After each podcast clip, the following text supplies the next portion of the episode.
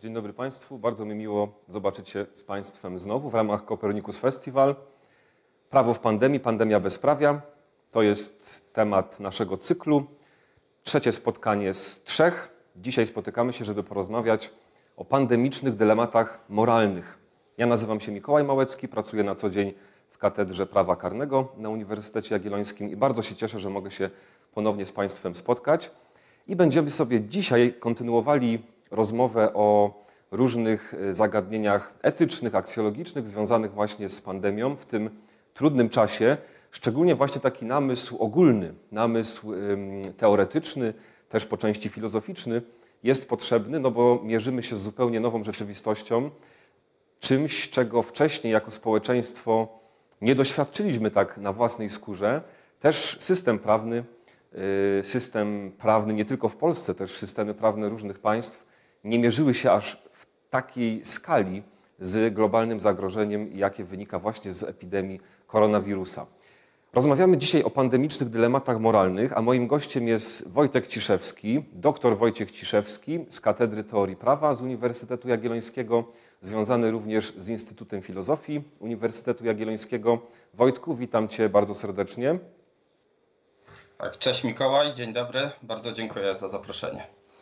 Bardzo mi miło, że możemy się spotkać. Transmisja na żywo, więc pozostajemy w e, warunkach mm, transmisji na żywo. Też zachęcamy Państwa do włączania się w dyskusję. Gdybyście mieli tylko jakieś pytania, wątpliwości, jak najbardziej możecie pisać o nich wszystkich. Będziemy starali się skomentować e, rzeczy, które poruszacie. E, sytuacja jest też specyficzna, bo myślę, że możemy naszą rozmowę zacząć od, mm, od tego, w jakich warunkach się nasz gość, w jakich warunkach się Wojtek znajduje. Otóż podlega on kwarantannie, tej prawdziwej kwarantannie, której niektórzy z nas są poddani właśnie z uwagi na, e, z uwagi na epidemię, która panuje. Wojtku, jakbyś mógł tak dwa zdania powiedzieć, jak się odnajdujesz w tej sytuacji i jak, jak te warunki kwarantanny, no, y, że tak powiem, na własnej skórze przetestowałeś. Jak to wygląda z Twojej strony? Nie, wszystko jest w porządku. Znaczy, mogę powiedzieć, że to już jest y, pierwszy dzień kwarantanny, a ja się jeszcze trzymam. Wróciłem po prostu z zagranicy y, całkiem niedawno, y, gdzie odbywałem za granicą staż na uniwersytecie, który mi się ze względu na okoliczności panujące przedłużył z 4 tygodni do 11 tygodni.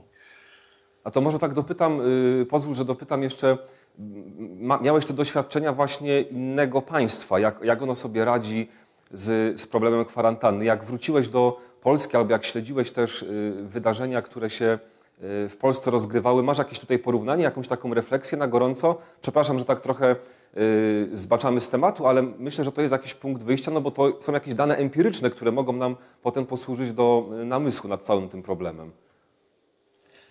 To znaczy, ja mm, przez ostatnie prawie trzy miesiące byłem w Zagrzebiu, e, w Chorwacji. Mhm. Mm, I nie chciałbym się, nie, nie mogę się tu wypowiadać oczywiście z pozycji eksperta, e, no ale mogę powiedzieć tyle, że tam e, jak gdyby cały problem związany z pandemią zaczął się trochę wcześniej, bo, bo pierwszy przypadek został odkryty jeszcze w lutym.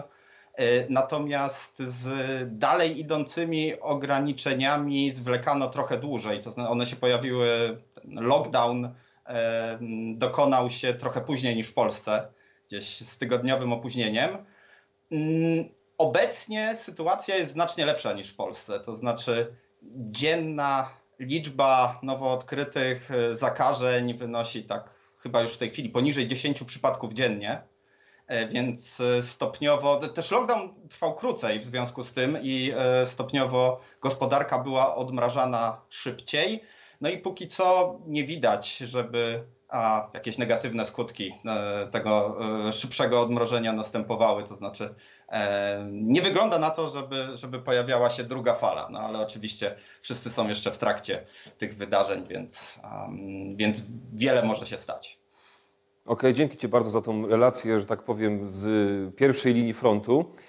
Przejdźmy do y, tematu pandemicznych dylematów moralnych, ale skoro jesteśmy właśnie przy temacie, przy wątku tego, jak państwa y, radzą sobie z zagadnieniem, z problemem pandemii, to ja chciałem Cię na początku zapytać o taką sprawę. Wiadomo, że różnego rodzaju ustroje polityczne w różny sposób organizują to nasze życie społeczne. W różnym też stopniu są w stanie reagować na różne ewentualne zagrożenia, które są związane na przykład z y, klęską żywiołową, na przykład z epidemią groźnego wirusa.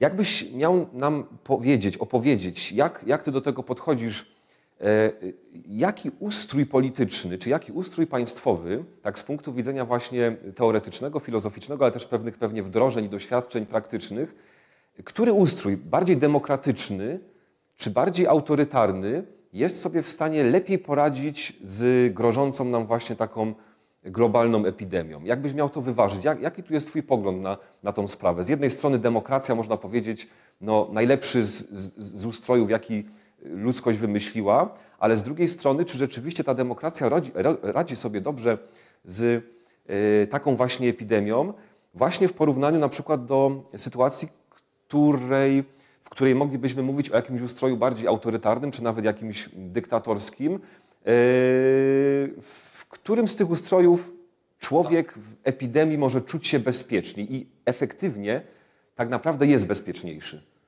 Mhm. E, dziękuję za to pytanie, bo, bo mogę ono wydaje mi się, daje mi trochę możliwość, żeby wyjaśnić, dlaczego e, w tej ocenie sytuacji w Chorwacji, porównawczej ocenie sytuacji w Chorwacji i w Polsce byłem tak ostrożny. Znaczy, mi się wydaje, że na chwilę obecną nie jesteśmy w stanie odpowiedzieć na pytanie, czy ustroje bardziej demokratyczne czy autorytarne radzą sobie lepiej z epidemią. Wydaje mi się, że wszelkie takie próby są na chwilę obecną skazane na niepowodzenie i to przynajmniej z kilku powodów. To znaczy, po pierwsze, cały czas jesteśmy w trakcie pandemii, prawda? To znaczy, nie wiemy, jak to się skończy. Cały czas jeszcze przechodzi pierwsza fala, prognozowana jest już druga fala. Y, po drugie, no innym problemem jest to, że różne kraje w różny sposób prowadzą statystykę związaną z um, koronawirusem, y, zakażeniami, zgonami i tak dalej.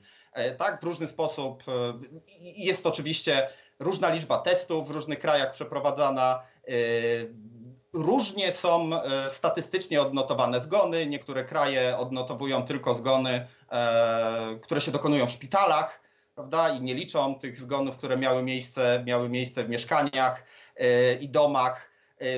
Poza tym no, są wątpliwości co do rzetelności niektórych danych przekazywanych przez kraje.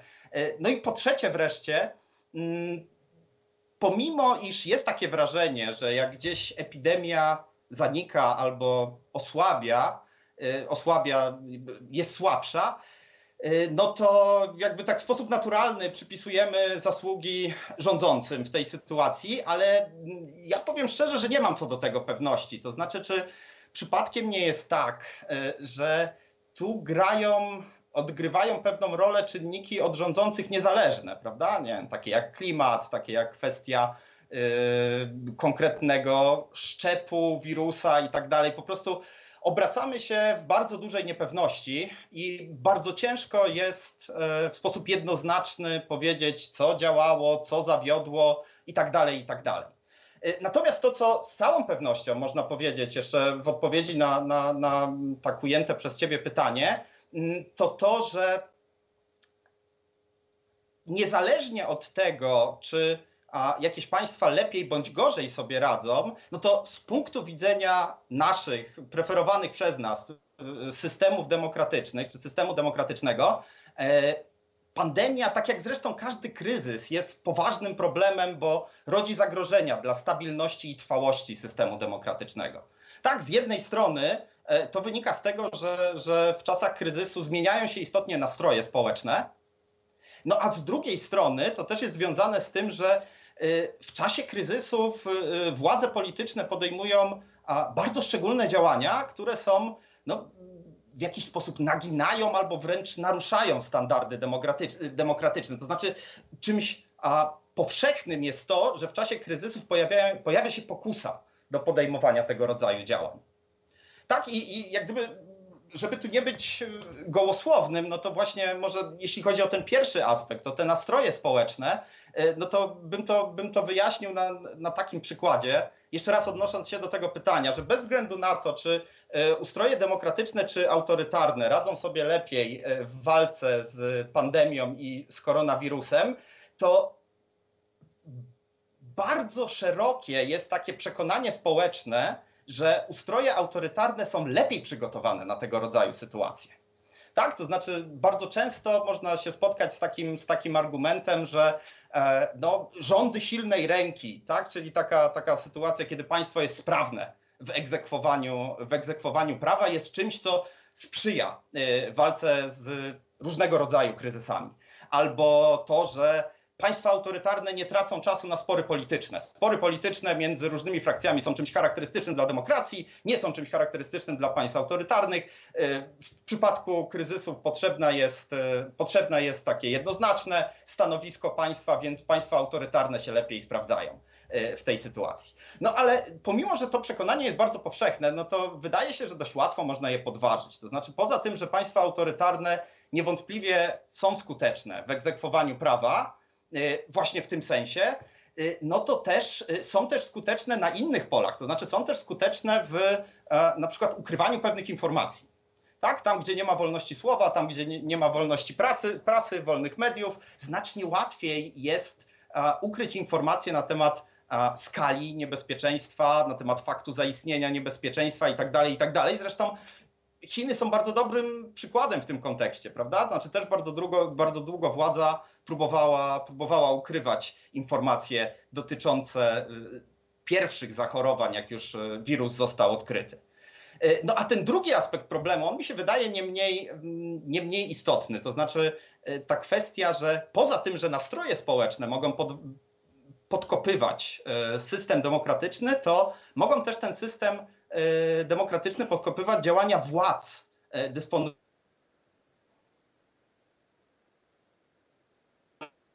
Mamy jaki, jakiś problem techniczny, ale yy, być może go za chwilkę rozwiążemy.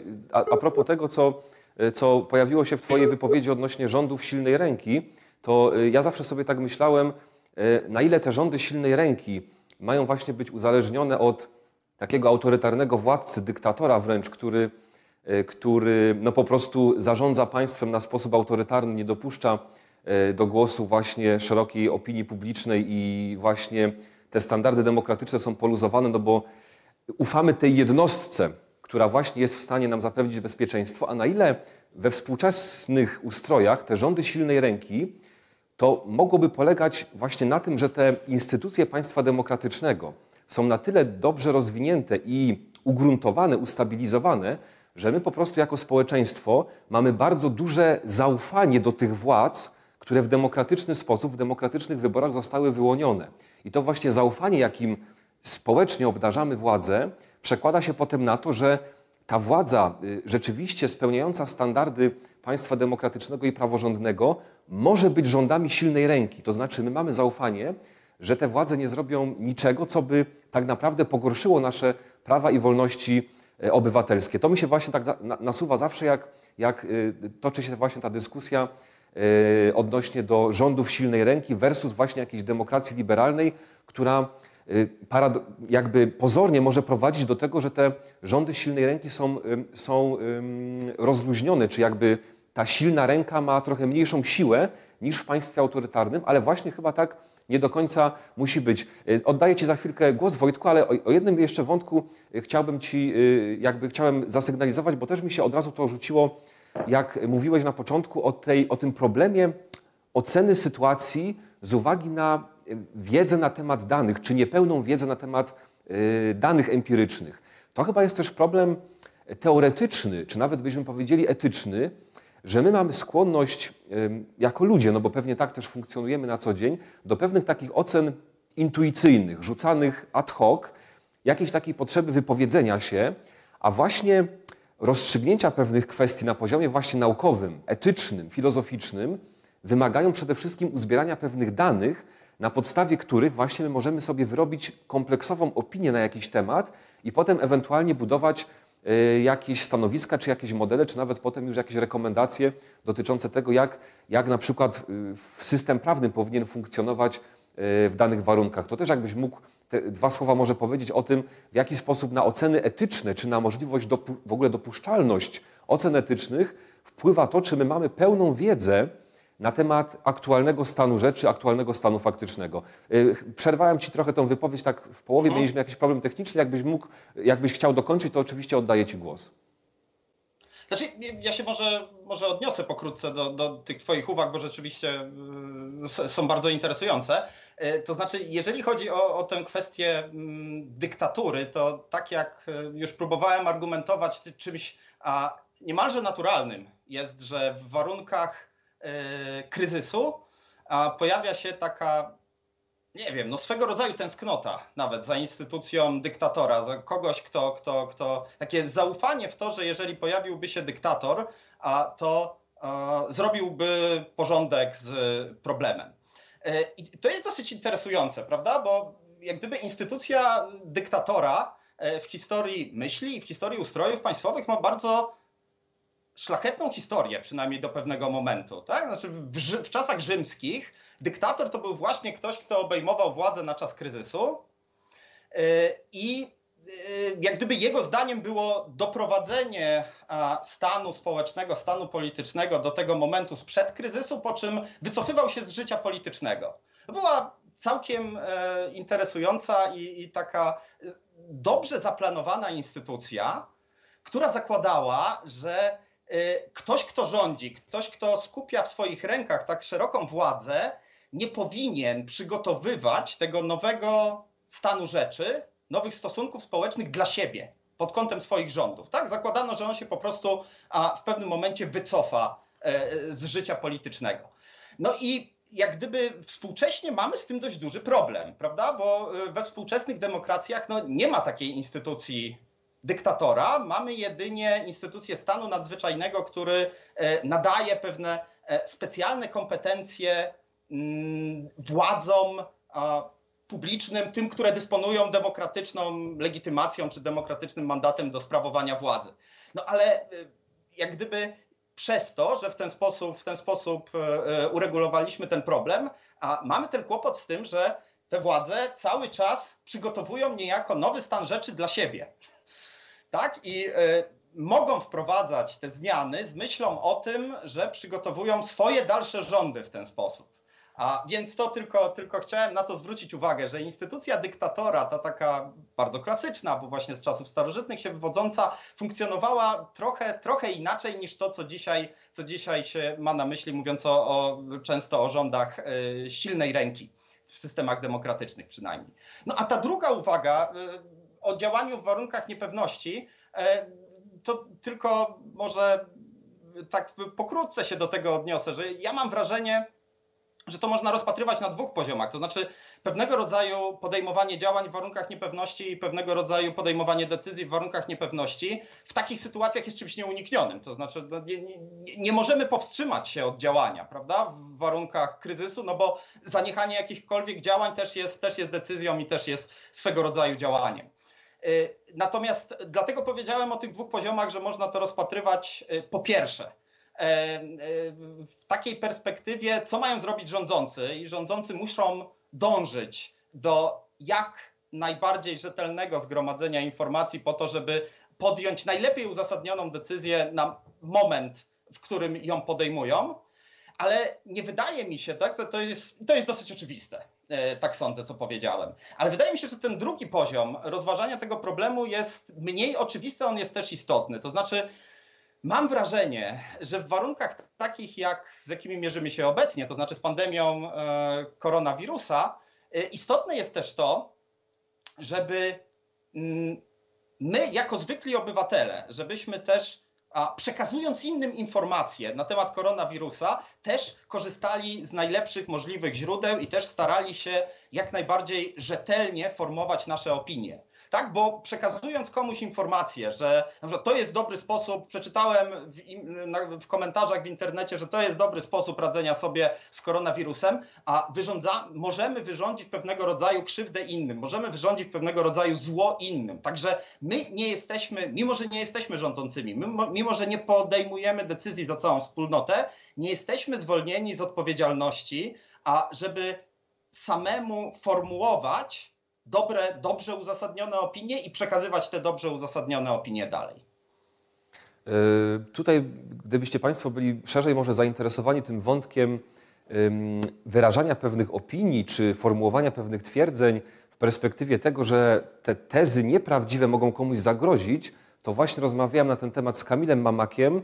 To było pierwsze spotkanie z naszego cyklu poświęcone prawu wobec końców świata. Tam Państwo znajdziecie takie trochę szersze analizy już y, skoncentrowane bardziej na prawnych aspektach, aspektach właśnie karania y, nas za rozprzestrzenianie na przykład w internecie tak zwanych fake newsów. Ale Wojtku, y, odnośnie tego właśnie formułowania ocen, czasami w stanie niepewności, a z drugiej strony zarządzania kryzysem czy zarządzania stanem nadzwyczajnym przez władzę, już niezależnie od tego, czy jest to władza demokratyczna, czy dyktatorska, czy autorytarna, zawsze dochodzi do jakiegoś ustalenia porządku prawnego, ustalenia jakichś reguł, którym mamy się podporządkowywać właśnie po to, żeby niwelować zagrożenia związane ze stanem epidemii.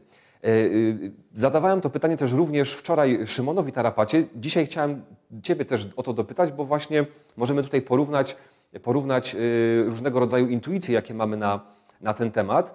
Mianowicie weźmy sobie jakiś przykład e, takiego typowego zakazu antykowidowego, ustalonego wiadomo w dobrej wierze po to, żeby zabezpieczać nas przed zagrożeniem. Weźmy ten obowiązek noszenia maseczek, czy ogólniej rzecz biorąc zasłaniania twarzy w przestrzeni publicznej.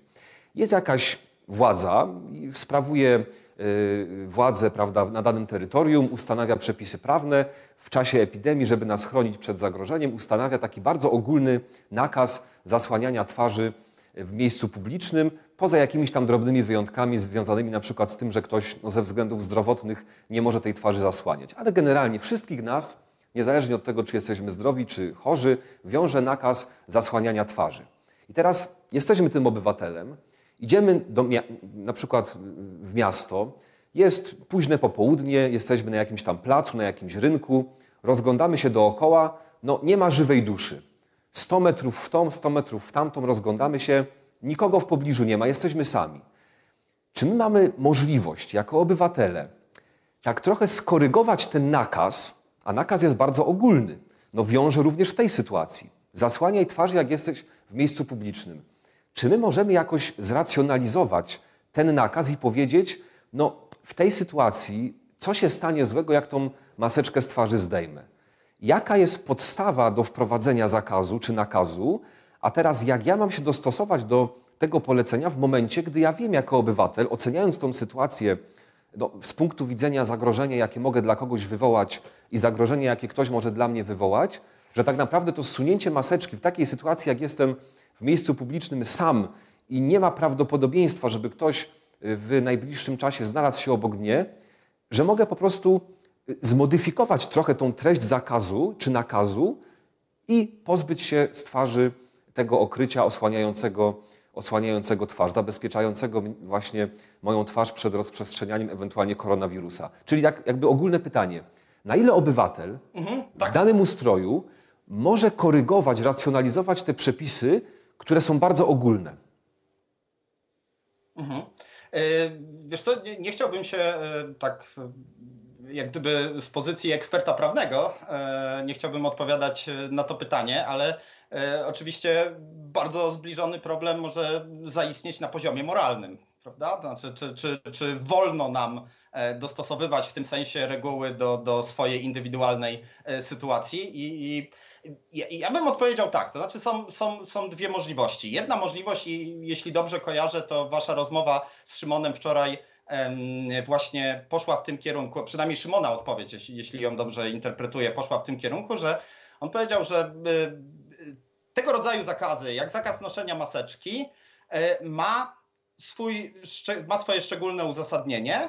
Jeżeli w danej, tym uzasadnieniem jest e, potrzeba zapobiegania rozprzestrzenianiu się wirusa, jeżeli w danej konkretnej sytuacji nie istnieje ryzyko rozprzestrzeniania się wirusa, to istnieje też dla mnie możliwość nieprzestrzegania tego zakazu. Znaczy nie robię nic złego, jeśli nie przestrzegam tego zakazu.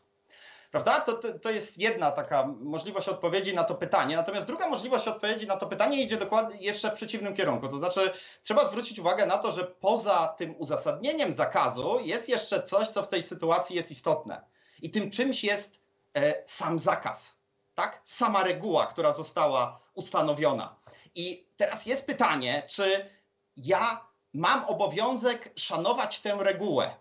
E, no bo nieposzanowanie tej reguły, owszem, ono się prawdopodobnie nie wiąże z e, zagrożeniem e, epidemicznym, epidemiologicznym, jakimkolwiek, ale być może wiąże się z czymś złym. To znaczy, że ja nadaję sobie prawo do tego, żeby autorytatywnie dostosowywać regułę do siebie. Tak, że ja sam określam, w jakich warunkach będę przestrzegał, tę, przestrzegał tej reguły, a w jakich nie.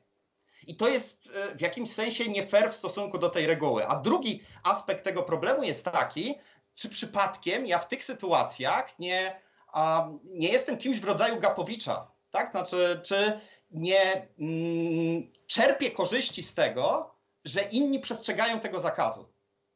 Tak? Czy w jakiś sposób przez to, że inni nie znajdują się w miejscu publicznym, bo zdecydowali się zostać w domach, bo inni chodzą w maseczkach, yy, ja w jakiś sposób nie, no, nie czerpię z tego, że inni stosują się do reguły, a ja się z niej nie stosuję. Czyli tak, są jak gdyby dwa tutaj problemy. Jedno, czy ja jestem w porządku wobec samej reguły, czy taka interpretacja pode mnie jest czymś dopuszczalnym, czy to przechodzi test uniwersalizowalności. A druga sprawa, no czy ja jestem fair wobec tych, którzy przestrzegają tej reguły w tej sytuacji.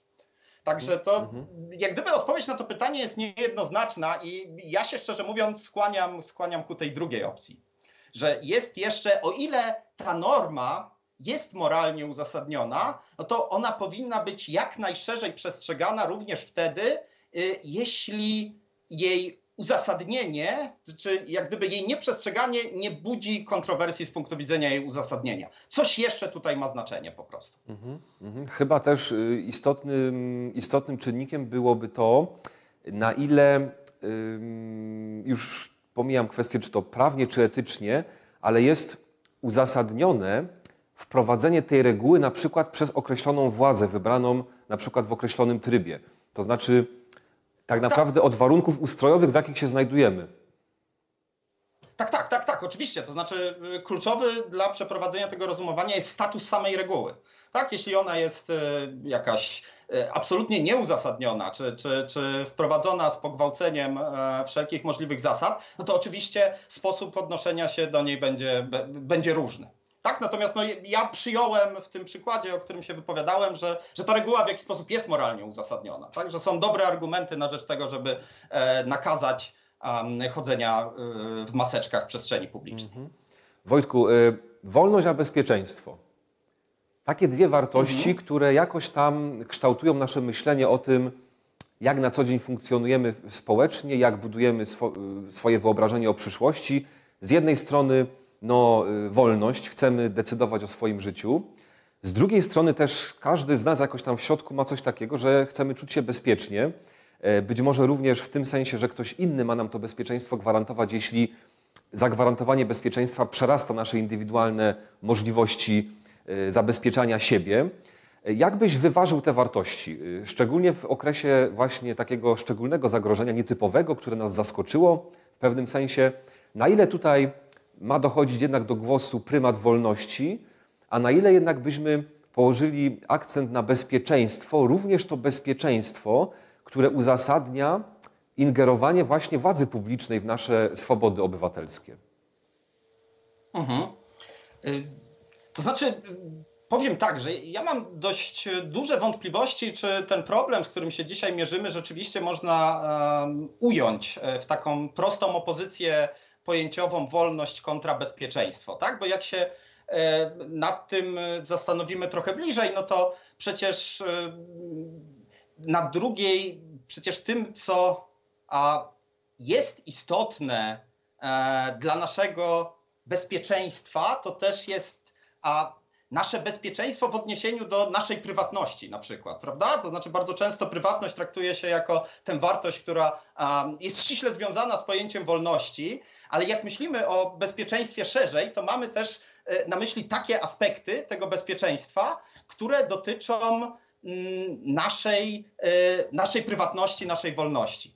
A e, drugą taką rzeczą jest to, że wydaje mi się, że to też, nie, to, też jest to, to przeciwstawienie sobie wolności i bezpieczeństwa też o tyle jest kłopotliwe, no, że y, po drugiej stronie do bezpieczeństwa mamy też pewnego rodzaju, in, innego rodzaju jeszcze bezpieczeństwo, prawda? Bo to nie jest tylko tak, że wprowadzamy pewne mm, zmiany, czy wprowadzamy pewne środki przeciwdziałania, e, zapobiegania mm, COVID-owi, no ale robimy to też z narażeniem nie tylko naszej wolności, ale też bezpieczeństwa e, w dłuższej perspektywie, prawda? Bo to jest też bezpieczeństwo ekonomiczne na drugiej szali, też bardzo, bardzo istotne, tak? To znaczy, że zbyt długie stosowanie tych środków ochrony e, przeciwko COVID-owi może skutkować bezrobociem, no, utratą środków do życia i tak dalej, i tak dalej, co też pewną stratą dla bezpieczeństwa. E, natomiast e, dlatego no, chciałem o tym powiedzieć, że wydaje mi się, że dużo więcej wartości um, wchodzi tutaj w grę niż tylko proste przeciwstawienie wolności i bezpieczeństwa, bezpieczeństwa zdrowotnego, um, jak się domyślam. Ale oczywiście, oczywiście to cały czas, cały czas pojawia się, znaczy to tylko jeszcze bardziej nam komplikuje problem, prawda? Bo, bo jeszcze bardziej nie wiemy, w jaki sposób to ważyć tak? czy w jaki sposób możemy to sprowadzić do wspólnego mianownika, czy nie. Mm, nie ma wątpliwości, że te środki, które są stosowane e, w, w, w zwalczaniu chorób zakaźnych, w tym przypadku pandemii e, COVID-19, to są środki bardzo daleko ingerujące w swobodę działania. Tak, w normalnych warunkach to jest absolutnie nie do pomyślenia, że ja mogę dostać mandat za to, że wyjdę w domu, wyjdę z domu, przepraszam, no a tutaj jak najbardziej to jest możliwe, tak? Znaczy możemy sobie wyobrazić taką regulację, abstrahując od tego, czy, czy ona jest prawnie dopuszczalna, czy nie jest dopuszczalna, to się może zdarzyć. Po drugie, a to jest też dosyć, dosyć istotne, że w przypadku te, te środki przeciwdziałania chorobom zakaźnym pod wieloma mm, względami przypominają różne, e, różne takie środki e, z zakresu prawa medycznego, prawda? Czy z zakresu, z zakresu medycyny. E, natomiast e, to, co je bardzo istotnie różni, to to, że nie mamy tutaj do czynienia w przypadku ich stosowania z wymogiem, z respektowaniem wymogu świadomej zgody. Tak, to nie jest tak, że ja się zgadzam na to, czy że ja się nie zgadzałem na to, że będę podlegał kwarantannie. Ostatnio ona po prostu została na mnie nałożona. Tak? I to samo dotyczy innych środków, tak? izolacji, szczepień, lockdownów, obowiązku dystansowania społecznego, chodzenia w maseczkach i tak dalej, i tak dalej. Także to jest istotna różnica. A e, trzecia taka e, rzecz, która też mi się wydaje w tym, w tym wszystkim istotna, to to, że e, tego rodzaju środki bardzo często, to, którą też trzeba mieć na względzie, są stosowane w stosunku do osób zdrowych. Prawda? To znaczy one przeciwdziałają chorobom, ale w zdecydowanej większości um, tymi osobami, które podlegają tego rodzaju środkom, są osoby zdrowe. Tak? Bo jak gdyby kwarantanną są objęci ci, którzy mieli kontakt, um, ci, którzy są podejrzewani o to, że mogą być chorzy, a nie ci, którzy są chorzy. I to jest bardzo ważne, jeżeli się e, planuje, jak gdyby biorąc pod uwagę sposób, e, politykę w zakresie stosowania tych środków. W literaturze etycznej dominują takie dwa sposoby uzasadnienia, w jaki sposób możemy legitymować stosowanie tych środków. Pierwszy to jest po prostu taki e, czysty utylitaryzm, to znaczy mówimy, że stosowanie tych środków pozwoli nam mm, na przysłuży się do szczęścia jak największej liczby osób, tak? Czyli będzie się z tym wiązać więcej korzyści niż strat, po prostu. No ale oczywiście tu, tu, jest cała masa problemów. Jest pytanie o to, o które już zahaczyłem, w jaki sposób ważyć te różne wartości, które tutaj są na szali a, i tak dalej, i tak dalej. Ale oczywiście to uzasadnienie utylitarystyczne, ono jest na pierwszy rzut oka sensowne i można je też e, próbować doprecyzowywać, tak żeby było odporne na tego rodzaju zarzuty. E, a drugie takie popularne uzasadnienie, które mm, się przywołuje jako to mm, legitymujące stosowanie tych środków daleko ingerujących w nasze swobody i wolności. Jest takie uzasadnienie odwołujące się do, e, nie wiem na ile to jest, to jest e, dobra analogia, ale odwołujące się do instytucji samoobrony. Tak, że my, a, tak jak jednostki mają prawo się bronić przed kimś, kto zagraża ich życiu lub zdrowiu, przed napastnikami, którzy zagrażają ich życiu lub zdrowiu, nawet wtedy, kiedy ten napastnik nie ma świadomości, że atakuje, e, tak w jakiś sposób na poziomie społecznym też można wprowadzić takie środki systematycznej czy też no, społecznej samoobrony. Tak, tutaj potencjalnym napastnikiem jest każdy. Potem, tym potencjalnym nieświadomym napastnikiem jest każdy, bo każdy może być nosicielem koronawirusa. Tak? Tego, to, to jest charakterystyczne dla e, koronawirusa, że tego nie widać na pierwszy rzut oka. A więc e, to, to jak gdyby pozwala nam poprzez e, jakoś sformułowanie tej analogii usprawiedliwić tak daleko idące a, ingerencje w wolność. Choć oczywiście e, to nie jest tak, że te uzasadnienia powodują, e, czy dają taką czystą kartę do wprowadzenia jakichkolwiek ograniczeń, prawda? Bo te środki um, przeciwdziałania chorobom zakaźnym czy zwalczania chorób zakaźnych mogą być bardzo, bardzo różne i z ich stosowaniem a, wiąże się cała masa zagrożeń. Tak, znaczy to, to mogą być naj, najróżniejsze zagrożenia, jeżeli nie stosuje się tych środków w sposób odpowiedzialny, w sposób e, racjonalny i przemyślany. Tak, jak, to, to takim... na, nawiązując do tego mhm. Twojego przykładu samoobrony, to tak naprawdę to jest taka trochę obrona konieczna jeszcze przed nastąpieniem tego właściwego ataku. Bo zobaczcie Państwo, tak naprawdę te wszystkie środki represyjne, które są stosowane w ramach, yy, w ramach yy, przeciwdziałania COVID-owi, one mają na celu zapewnienie jakiejś prewencji. A więc karanie nas za wyjście z domu, za y, oddalenie się z miejsca kwarantanny, za nienoszenie maseczki, za niezachowanie dystansu, to nie jest represja wynikająca z tego, że my kogoś zaraziliśmy, tylko to jest reakcja tak naprawdę wyprzedzająca, reakcja prewencyjna, mająca zapobiegać temu właściwemu no, skutkowi polegającemu na tym, że zostanie zagrożone i, i tak naprawdę już naruszone czyjeś zdrowie. I to znowu, jakbyśmy patrzyli z perspektywy prawa karnego, no, którym ja się jakby zajmuję, to jest jakby wielki spór co do tego, na ile państwo ma działać w takiej sytuacji prewencyjnie, również karząc nas za złamanie zakazów właśnie antykowidowych na zasadzie pewnej prewencji, a na ile możemy tutaj działać represyjnie. E, trzeba to jakoś zawsze wyważyć. To jest taki zawsze dobry przykład, jak się mówi o różnego rodzaju zagrożeniach związanych z zagrożeniami y, środowiska naturalnego.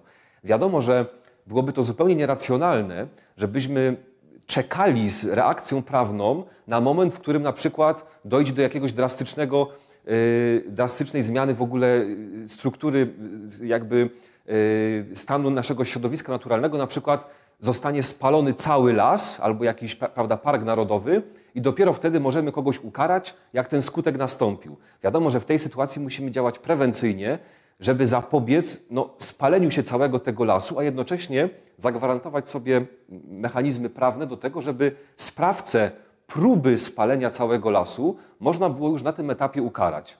Ale to też chyba z perspektywy etycznej jest taki problem, na ile prewencja ma pełnić tą główną rolę, a na ile jednak dopiero reakcja na ten zły czyn docelowy powinna spotykać się z właśnie negatywną odpowiedzią państwa. Y, masz rację, to znaczy oczywiście na gruncie tego uzasadnienia, które tak jak mówiłem jest jednym e, z możliwych, a no jest oczywiście pytanie na ile ta mm, analogia do samoobrony daje się utrzymać.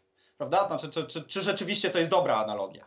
E, no, ci, którzy są zwolennikami tego uzasadnienia, mówią mniej więcej w ten sposób, że e, no, oczywiście nie daje się tak zastosować jeden do jeden, ale trzeba zważyć na to, że tutaj mamy do czynienia z bardzo bardzo specyficznym e, przeciwnikiem, tak? Znaczy tym potencjalnym napastnikiem, tak jak mówiłem, jest a, potencjalnie każdy, bo e, zarazić nas może osoba całkowicie nieświadoma tego, że jest e, nosicielem koronawirusa e, i która po drugie nie wykazuje żadnych cech tego zakażenia.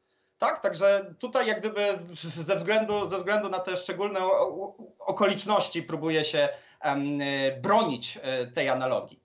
Ale e, warto, tak wydaje mi się, wrócić jeszcze, jeszcze do tej kwestii, a że bez względu na to, czy, czy to ogólne uzasadnienie, mm, jak gdyby, jeżeli daje się, nawet jeżeli daje się utrzymać to ogólne uzasadnienie, to trzeba mieć świadomość, że ono jak gdyby nie daje nam podstawy do podejmowania jakichkolwiek działań, tylko to muszą być dobrze zaplanowane, racjonalne działania, bo ze stosowaniem środków przeciwdziałania i zapobiegania chorobom zakaźnym wiąże się cała masa zagrożeń, ryzyk, no i potencjalnych szkód, które e, takie działania mogą wyrządzić. Tak? To znaczy, e, po pierwsze, co, co, co przychodzi do głowy, to to, że one mm, mogą być nieskuteczne, a, prawda, ale jest nawet gorzej, to znaczy wskazuje się, że one mogą być kontrskuteczne, to znaczy, że nieodpowiednie e, stosowanie tego rodzaju środków może doprowadzić do wzrostu liczby osób zakażonych niż zmniejszenia liczby tych osób.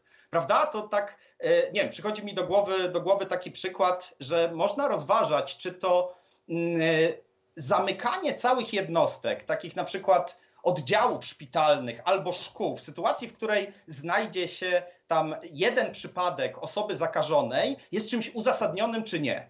Bo być może, gdybyśmy, a może szpital to nie jest na, na, najlepszy przypadek, ale o, yy, ten statek Diamond Princess, prawda? To, to, to, to, chyba, to chyba e, lepiej tak. gra. Gdybyśmy na przykład e, przetransportowali wszystkie te osoby z tego statku do, nie wiem, zrobili im szybko testy i tych, którzy są niezakażeni, wypuścili, a, a tych, którzy są zakażeni, przynieśli do izolatoriów, to być może e, liczba zakażeń byłaby niższa niż w sytuacji, w której wszystkich ich zostawiliśmy na tym statku tak? I pozwoliliśmy rozwijać się e, chorobie. Więc to jest, to, to dobrze pokazuje, że um, stosowanie tego rodzaju środków może się nawet przyczynić do rozprzestrzenienia choroby niż do jej e, ograniczenia.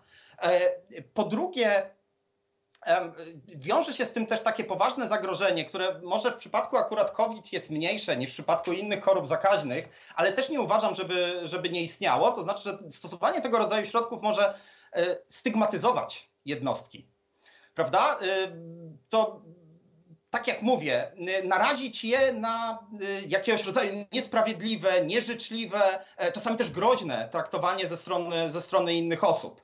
E, na przykład, na przykład prawda, osoby, które są poddane kwarantannie, mogą być w jakiś sposób tak no, no, źle traktowane w swojej społeczności. Tu mi przychodzi do głowy od razu ten, ten taki przypadek, o którym swego czasu było, było głośno w mediach, to znaczy jeden bodajże starosta gdzieś na Podlasiu miał taki pomysł, żeby e, dokładnie wskazywać okolice, w której znajduje się ktoś poddany kwarantannie i e, całe szczęście w debacie publicznej ten pomysł został bardzo mocno skrytykowany. No ale dlaczego został skrytykowany? No właśnie dlatego, że istniało ryzyko stygmatyzacji tych osób, prawda? Coś, co, co nie powinno się wydarzyć, ale to tylko wskazuje jeszcze raz na to, że te środki przeciwdziałania i zapobiegania chorobom zakaźnym muszą być stosowane bardzo, bardzo ostrożnie, bo to ryzyko rzeczywiście jest. Mhm. E, I e, po Wojt, trzecie, Wojtku, jest... Wojtku, przepraszam, że ci przerwę, bo właśnie jak mówiłeś, tak, tak? mówiłeś o zasadzie sprawiedliwości, równości, to nasunęło mi się, że przecież ty zajmowałeś się naukowo też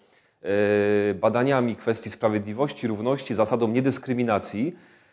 Właśnie z perspektywy pandemii myślę, że tutaj zostały wygenerowane różne nowe sytuacje faktyczne, które również w tym zakresie mogą być jakąś przyczyną do dalszych badań czy refleksji. Właśnie jakbyś mógł e, od tej strony zasady e, sprawiedliwości, równości, jakiegoś namysłu nad e, niedyskryminowaniem różnych innych osób z uwagi na pewne cechy, rozwinąć ten wątek właśnie. Jakie tutaj widzisz problemy naukowe też dla prawników, dla teoretyków prawa, dla filozofów, dla etyków, które mogą, może wygenerować ta sytuacja pandemiczna?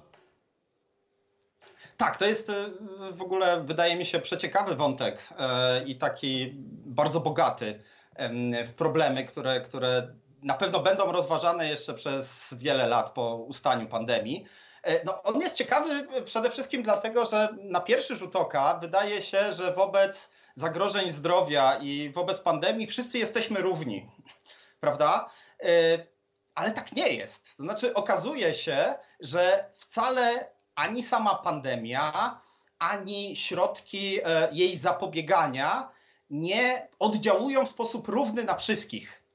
Tak, to znaczy, generalnie można pokusić się o taką tezę, że ci, którzy mają się gorzej, ci, którzy są w trudniejszej sytuacji społecznej, e, w warunkach pandemii mają się jeszcze gorzej.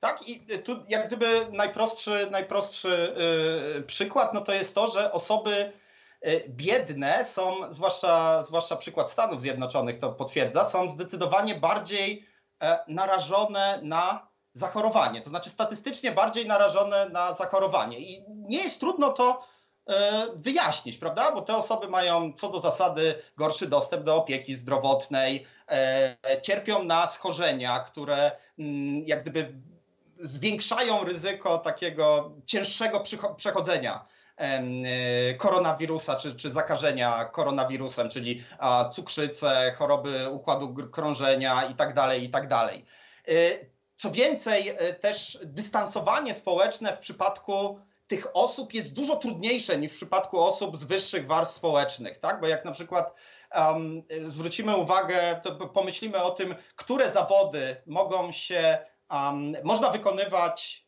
pracować zdalnie, po prostu w formie, w formie zdalnej, no to najczęściej to są jakieś takie, jakieś takie zawody mieszczące się w tej a, górnej części drabinki społecznej, natomiast prace fizyczne ciężko jest wykonywać zdalnie. A nie da się po prostu y, w zdecydowanej większości ich wykonywać zdalnie, więc osoby w tym sensie, te osoby z niższych grup społecznych są bardziej narażone na y, zakażenie i, i a później trudniejsze czy, czy, czy takie gorsze przechodzenie koronawirusa. E, one też często mają gorsze warunki mieszkalne, więc trudniej jest na przykład odbywać kwarantannę. Często też e, dojeżdżają, korzystają, zdecydowanie częściej korzystają z komunikacji publicznej, gdzie znacznie łatwiej jest to zarażenie i tak dalej, i tak dalej. No w Stanach Zjednoczonych wskazuje się, że koronawirus zdecydowanie statystycznie częściej dotyka Afroamerykanów, no, ale to wcale nie wynika z tego, że on jakoś koreluje z rasą, tylko raczej z tego, że właśnie wśród e, biedniejszych, niższych warstw społecznych Afroamerykanów jest e, więcej. A tak, tu właśnie może dojść do jakiejś takiej strasznej, strasznej naszej pomyłki w ocenie tej sytuacji, no bo właśnie źle rozpoznamy ten czynnik, tą okoliczność decydującą o określonej statystyce i może się okazać, że rzeczywiście jakieś zupełnie yy, zdyskryminujemy pewną grupę społeczną, biorąc pod uwagę yy, dane, które nie mają po, po prostu yy, okoliczności, fakty, które nie są tymi, które prowadzą do takich efektów. Oczywiście, że tak. To znaczy, jak gdyby stygma społeczna bardzo często pojawia się w sposób nieracjonalny. To znaczy, jeżeli przedostaje się informacja, że częściej do, do opinii publicznej, że częściej Afroamerykanie e, niż e, inne rasy chorują na koronawirusa, no to w świadomości społecznej może pojawiać się takie przypisanie tego zagrożenia tej grupie, tak? co jeszcze dodatkowo utrudnia jej funkcjonowanie w społeczeństwie. Tak? Także to, to zagrożenie jest moim zdaniem, moim zdaniem gigantyczne. Zresztą E, ta kwestia stygmatyzacji też pokazuje, że y, w Stanach Zjednoczonych odnotowano, i to, jest, to, to może być dosyć szokujące, że odnotowano mm, różnego rodzaju ataki, czy, czy ataki, na, y, doty, ataki związane z nienawiścią na tle rasowym na osobach rasy yy, azjatyckiej, tak? rasy żółtej, czy tam. Yy, przede wszystkim na Chińczykach. Tak?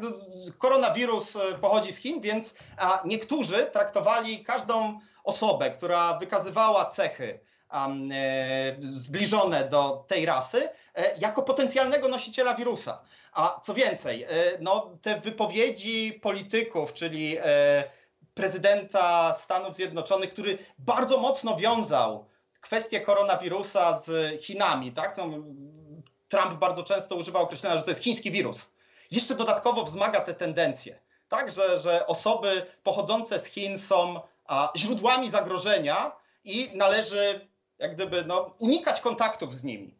Więc to jest jak najbardziej problem już nie tylko e, obecny w rozważaniach teoretycznych, ale rzeczywiście istniejący czy, czy pojawiający się w przestrzeni społecznej. E, no skoro odnotowuje się tego rodzaju, tego rodzaju ataki. Taką jeszcze inną grupą, i to też jest, też jest dosyć ciekawe, jeszcze inną grupą, która jest szczególnie narażona na dyskryminację w warunkach koronawirusa, e, jest grupa osób starszych. Tak, i tu najróżniejsze, najróżniejsze problemy mogą, mogą zaistnieć. A no, na przykład problemem jest coś takiego, co się określa mianem, e, no, Pierwsze to to, że osoby starsze są jak gdyby w sposób naturalny bardziej, bardziej narażone, ale też w związku z tym, że one są bardziej narażone, to podejmuje się wobec tej grupy pewne działania, które a, nie byłyby w innych warunkach uzasadnione, a są problematyczne bardzo. Tak, na przykład polityka tej selektywnej izolacji osób starszych. Do pewnego stopnia y, Chiny ją stosują, a wydaje mi się, że też y, y, Szwecja albo miała takie plany, albo to wprowadziła. Wielka Brytania też miała taki pomysł, żeby jak gdyby nie wprowadzać pełnej izolacji całego społeczeństwa, nie, nie robić pełnego lockdownu, tylko tylko po prostu ograniczyć dostęp do przestrzeni publicznej, wprowadzić kwarantannę dla osób powyżej bodajże 70 yy, roku życia. I to jest strasznie kłopotliwe, prawda? Bo tu od razu pojawia się. No, jakie jest uzasadnienie najczęściej takiej polityki, polityki? No najczęściej uzasadnienie jest takie, że to jest polityka yy, robiona ze względu na dobro tych osób. Tak, że to dla Twojego dobra powinien wprowadzamy zakaz wychodzenia twojego na zewnątrz, powinieneś zostać w domu, bo z troski o twoje zdrowie. No ale y, to jest y, strasznie problematyczne, to znaczy strasznie kontrowersyjne uzasadnienie, bo to oznacza, że takiej osobie powyżej 70 roku życia, no, jej nie wolno samemu ocenić, a czy chce się narażać na ryzyko, czy nie. Mhm. Tutaj to jest bardzo nasuwa mi się przykład y, wprowadzony w Polsce, mianowicie te słynne zakupy między godziną 10 a 12, y, sklepy y, przeznaczone tylko dla osób powyżej 60 roku życia. I problem tak naprawdę chyba też wynikający z jakiegoś takiego komunikacyjnego nieporozumienia, następnego dnia się okazało, że ludzie starsi rzeczywiście tylko w tych godzinach przychodzili do sklepu, to znaczy wydawało im się, że poza tymi godzinami w ogóle nie mogą y, robić zakupów. Więc jakby no, też jakiś problem komunikacyjny z, z y, adekwatnym czy pełnym przedstawieniem sytuacji, że właśnie jednak oferujemy y, ludziom starszym w tych godzinach możliwość zrobienia bezpiecznego, bezpiecznych zakupów, ale przecież nie dyskryminujemy ich w tym sensie, że już w ogóle o żadnej innej porze dnia, no zgodnie z własną wolą, nie będą mogli wejść do sklepu. A jeszcze jeden mi się przykład nasunął, dotyczący jakby dyskryminowania różnych grup, y, grup ludności w związku z epidemią. Mówiłeś o takich sytuacjach, że na przykład y, y, ludzie z kwarantanny byli jakoś szczególnie oznaczani, żeby zabezpieczyć innych przed ewentualnym zarażeniem. Ale przecież to też i takie przykłady były też w Polsce. To dotyczyło też ludzi, którzy na co dzień ratują nasze życie. Przecież słynne przykłady gdzie y, mieszka w danym y, bloku y, pielęgniarka na przykład, czy jakiś ratownik medyczny i sąsiedzi wypisują karteczkę, szanowna pani, szanowny panie, no niech pan uważa tutaj, może niech pan nie jeździ windą, albo niech pan ucieka przed nami, no żebyśmy nie byli narażeni na niebezpieczeństwo, które wynika z tego, że pan z nami tutaj mieszka. Więc właśnie jakaś taka niesprawiedliwość, ale nawet połączona trochę byśmy powiedzieli nawet z niewdzięcznością, to znaczy z niezrozumieniem przez nas sytuacji, w jakiej się znajdujemy, że y, no, te osoby są na pierwszej linii frontu i tak naprawdę w wielu przypadkach od ich aktywności zawodowej zależy nasze bezpieczeństwo.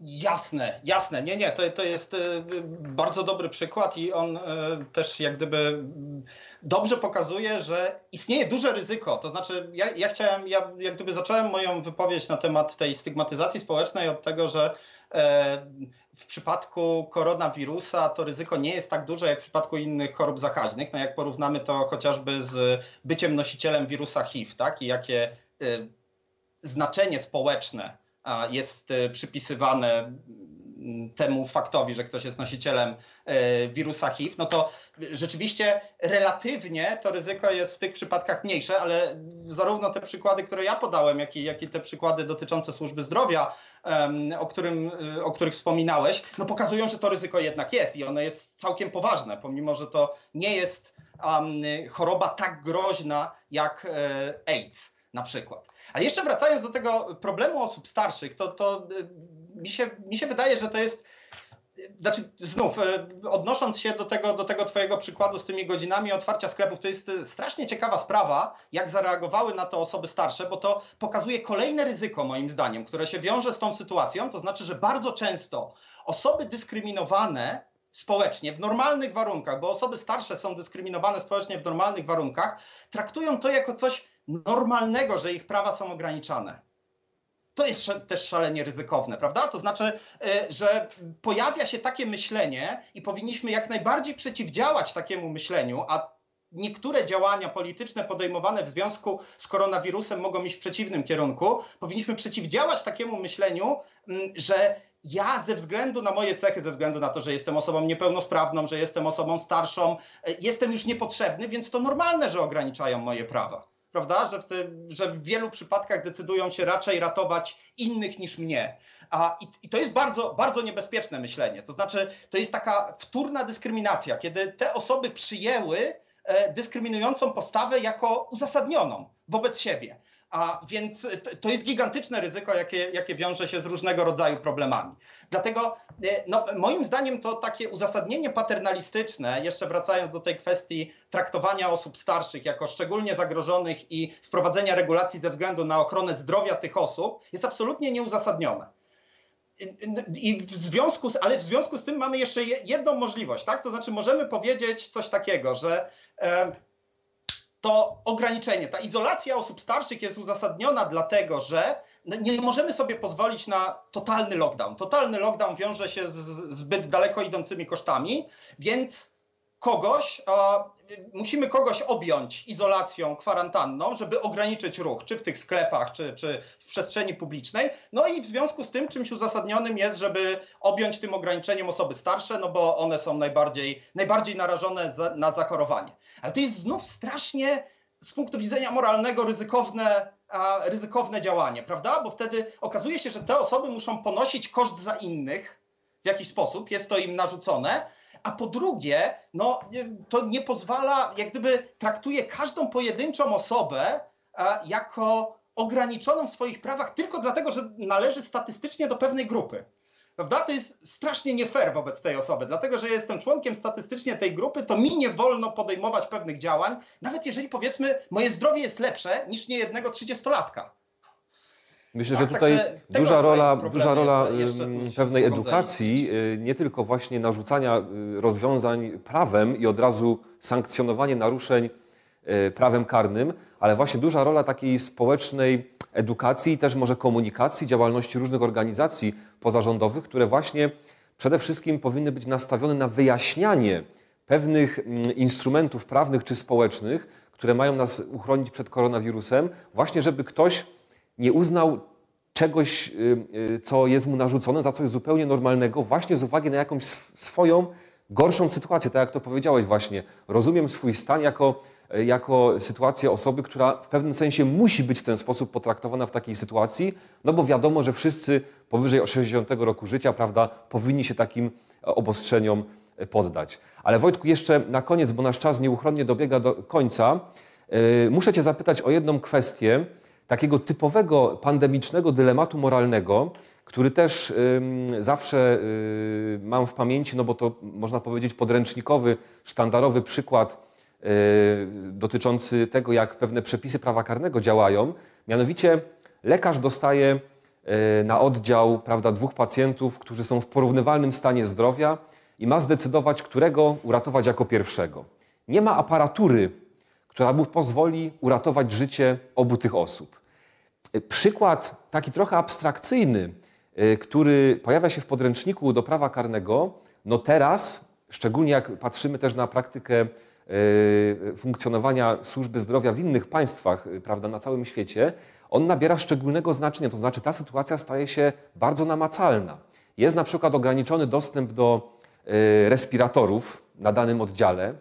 Chorych na Y, koronawirusa przybywa, niektórzy potrzebują pomocy, muszą być podłączeni do respiratora, żeby przetrwać. I teraz ten lekarz staje przed pewnym no, dylematem. E, od jego decyzji tak naprawdę y, zależy życie albo śmierć tej osoby, którą uratuje. Tak naprawdę y, w wielu przypadkach śmierć jest nieunikniona. On tylko wybiera, no, można powiedzieć, tą osobę, która ma umrzeć. Jak byś z perspektywy właśnie teoretycznej, y, filozoficznej, etycznej podszedł do takiego problemu? Jak w takiej sytuacji ważyć te wartości? Jak, to, jak tą sytuację rozwiązywać? Jakie czynniki brać pod uwagę? Jakie tutaj, nie wiem, y, y, zasady preferencji wyboru tej osoby, którą mam w takiej szczególnej sytuacji uratować, mogłyby być podane, żebyśmy w jakiś sposób też mogli, no właśnie, może już nie aktualnie, bo pewne y, zagrożenia radykalne się już przetoczyły, ale może na przyszłość też zabezpieczyć się, żebyśmy w takiej sytuacji jednak podejmowali racjonalne, y, sprawiedliwe, uzasadnione etycznie decyzje. Mhm. E, tak, to jest rzeczywiście, rzeczywiście strasznie poważny problem. No i obecna pandemia jak gdyby mm, jeszcze dodatkowo go unaoczniła, prawda? Bo to nie tylko. E, oczywiście ten przykład z respiratorami on e, bardzo, do, znaczy bardzo dobrze oddaje naturę tego problemu, ale problem jest znacznie poważniejszy, bo może przykład w sytuacji zbyt dużej liczby e, potrzebujących pomocy zabraknąć no nie tylko respiratorów, ale, ale też na, nie, osób obsługujących te respiratory, prawda? Albo lekarzy, którzy mogliby udzielić pomocy. Wtedy, no nawet jeżeli będziemy mieli dostateczną liczbę e, respiratorów, to nam nic nie pomoże, jeżeli nie będziemy mieli dostatecznej liczby osób, które, które są w stanie obsłużyć tego rodzaju urządzenia. No i e, generalna, wydaje mi się, zasada przyjmowana w etyce medycznej jest taka, że jeżeli mm, w czyimś przypadku a, y, istnieje większa szansa na uratowanie życia, a w przypadku innej osoby jest ona wyraźnie mniejsza, no to należy ratować to życie, którego no jest większa szansa uratować, prawda? Znaczy, że tutaj ta reguła jest taką regułą a, racjonalności praktycznej działania. Natomiast pojawiają się oczywiście takie sytuacje, kiedy dwóch pacjentów jest a, niemalże w dokładnie tej samej sytuacji. Tak? W tym samym położeniu pod względem zdrowotnym. No i y, ten problem, y, którego dotyczyło Twoje pytanie, mam wrażenie, przede wszystkim dotyczy tych sytuacji. A co w takiej sytuacji, co, co, co wtedy robić? Czym się powinien kierować lekarz? I y, ja powiem szczerze, że znaczy mam dosyć, dosyć e, takie jednoznaczne stanowisko w tej kwestii, ale, ale może zamiast to, zanim to, to powiem, jaka jest najpopularniejsza odpowiedź na to pytanie. No, najpopularniejsza odpowiedź na to pytanie jest taka, żeby ratować jak najwięcej korzyści zdrowotnych. Co to są korzyści zdrowotne? E, no to, jest tej to są w tej sytuacji lata pozostałego życia e, o dobrej jakości. Tak, czyli bierzemy pod uwagę, ile statystycznie lat jeszcze taka osoba może przeżyć, i po drugie, czy to będą lata dobrej jakości życia, czy słabej jakości życia.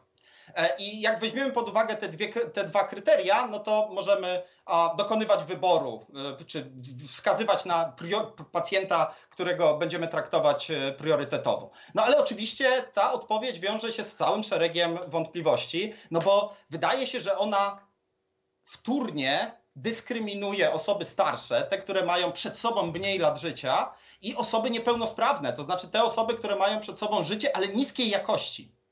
Relatywnie niskiej jakości, bo to jest też pytanie, jak, jak rozumieć tę niską jakość e, w tym kontekście. Czy można ją sprowadzić do zdrowia, czy należałoby e, potraktować nieco szerzej. E, poza tym pojawia się też ten problem, o którym wspominaliśmy wcześniej, to znaczy, że w tej sytuacji te osoby mogą um, internalizować dyskryminację i same zgadzać się na to, żeby nie traktować je priorytetowo, żeby wcześniej ratować jakąś osobę młodszą czy osobę pełnosprawną, no bo ona na to zasługuje.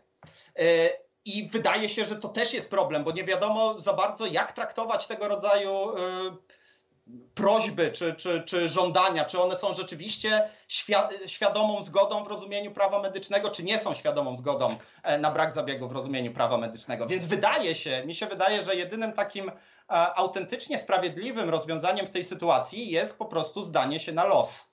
To znaczy losowanie, rzut monetą między dwoma pacjentami. To jest strasznie brutalne rozstrzygnięcie, ale mm, nie wiem, czy nie jedyne, jedyne sprawiedliwe. Zresztą tak na marginesie e, to rozwiązanie, które bardzo często też jest stosowane, to znaczy, że kto pierwszy, ten lepszy, first come, first serve, e, ono też e, w znacznym stopniu opiera się na losie, też nie, nie odwołuje się do jakichś, do jakichś bardziej mocniej uzasadnionych kryteriów sprawiedliwościowych.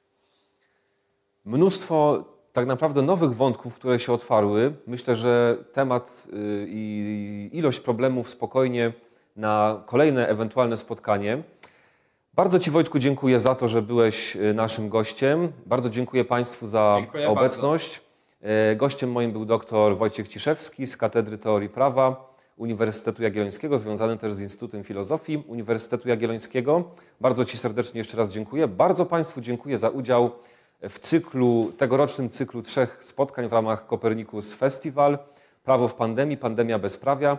Rozmawialiśmy sobie E, na te tematy, właśnie korzystając z uprzejmości Kopernikus Festival. Dziękuję bardzo organizatorom za to, że mogłem dla Państwa te spotkania poprowadzić. Ja nazywam się Mikołaj Małecki, pracuję na co dzień w Katedrze Prawa Karnego i raz jeszcze Państwu serdecznie dziękuję za to, że byliście z nami. Do zobaczenia.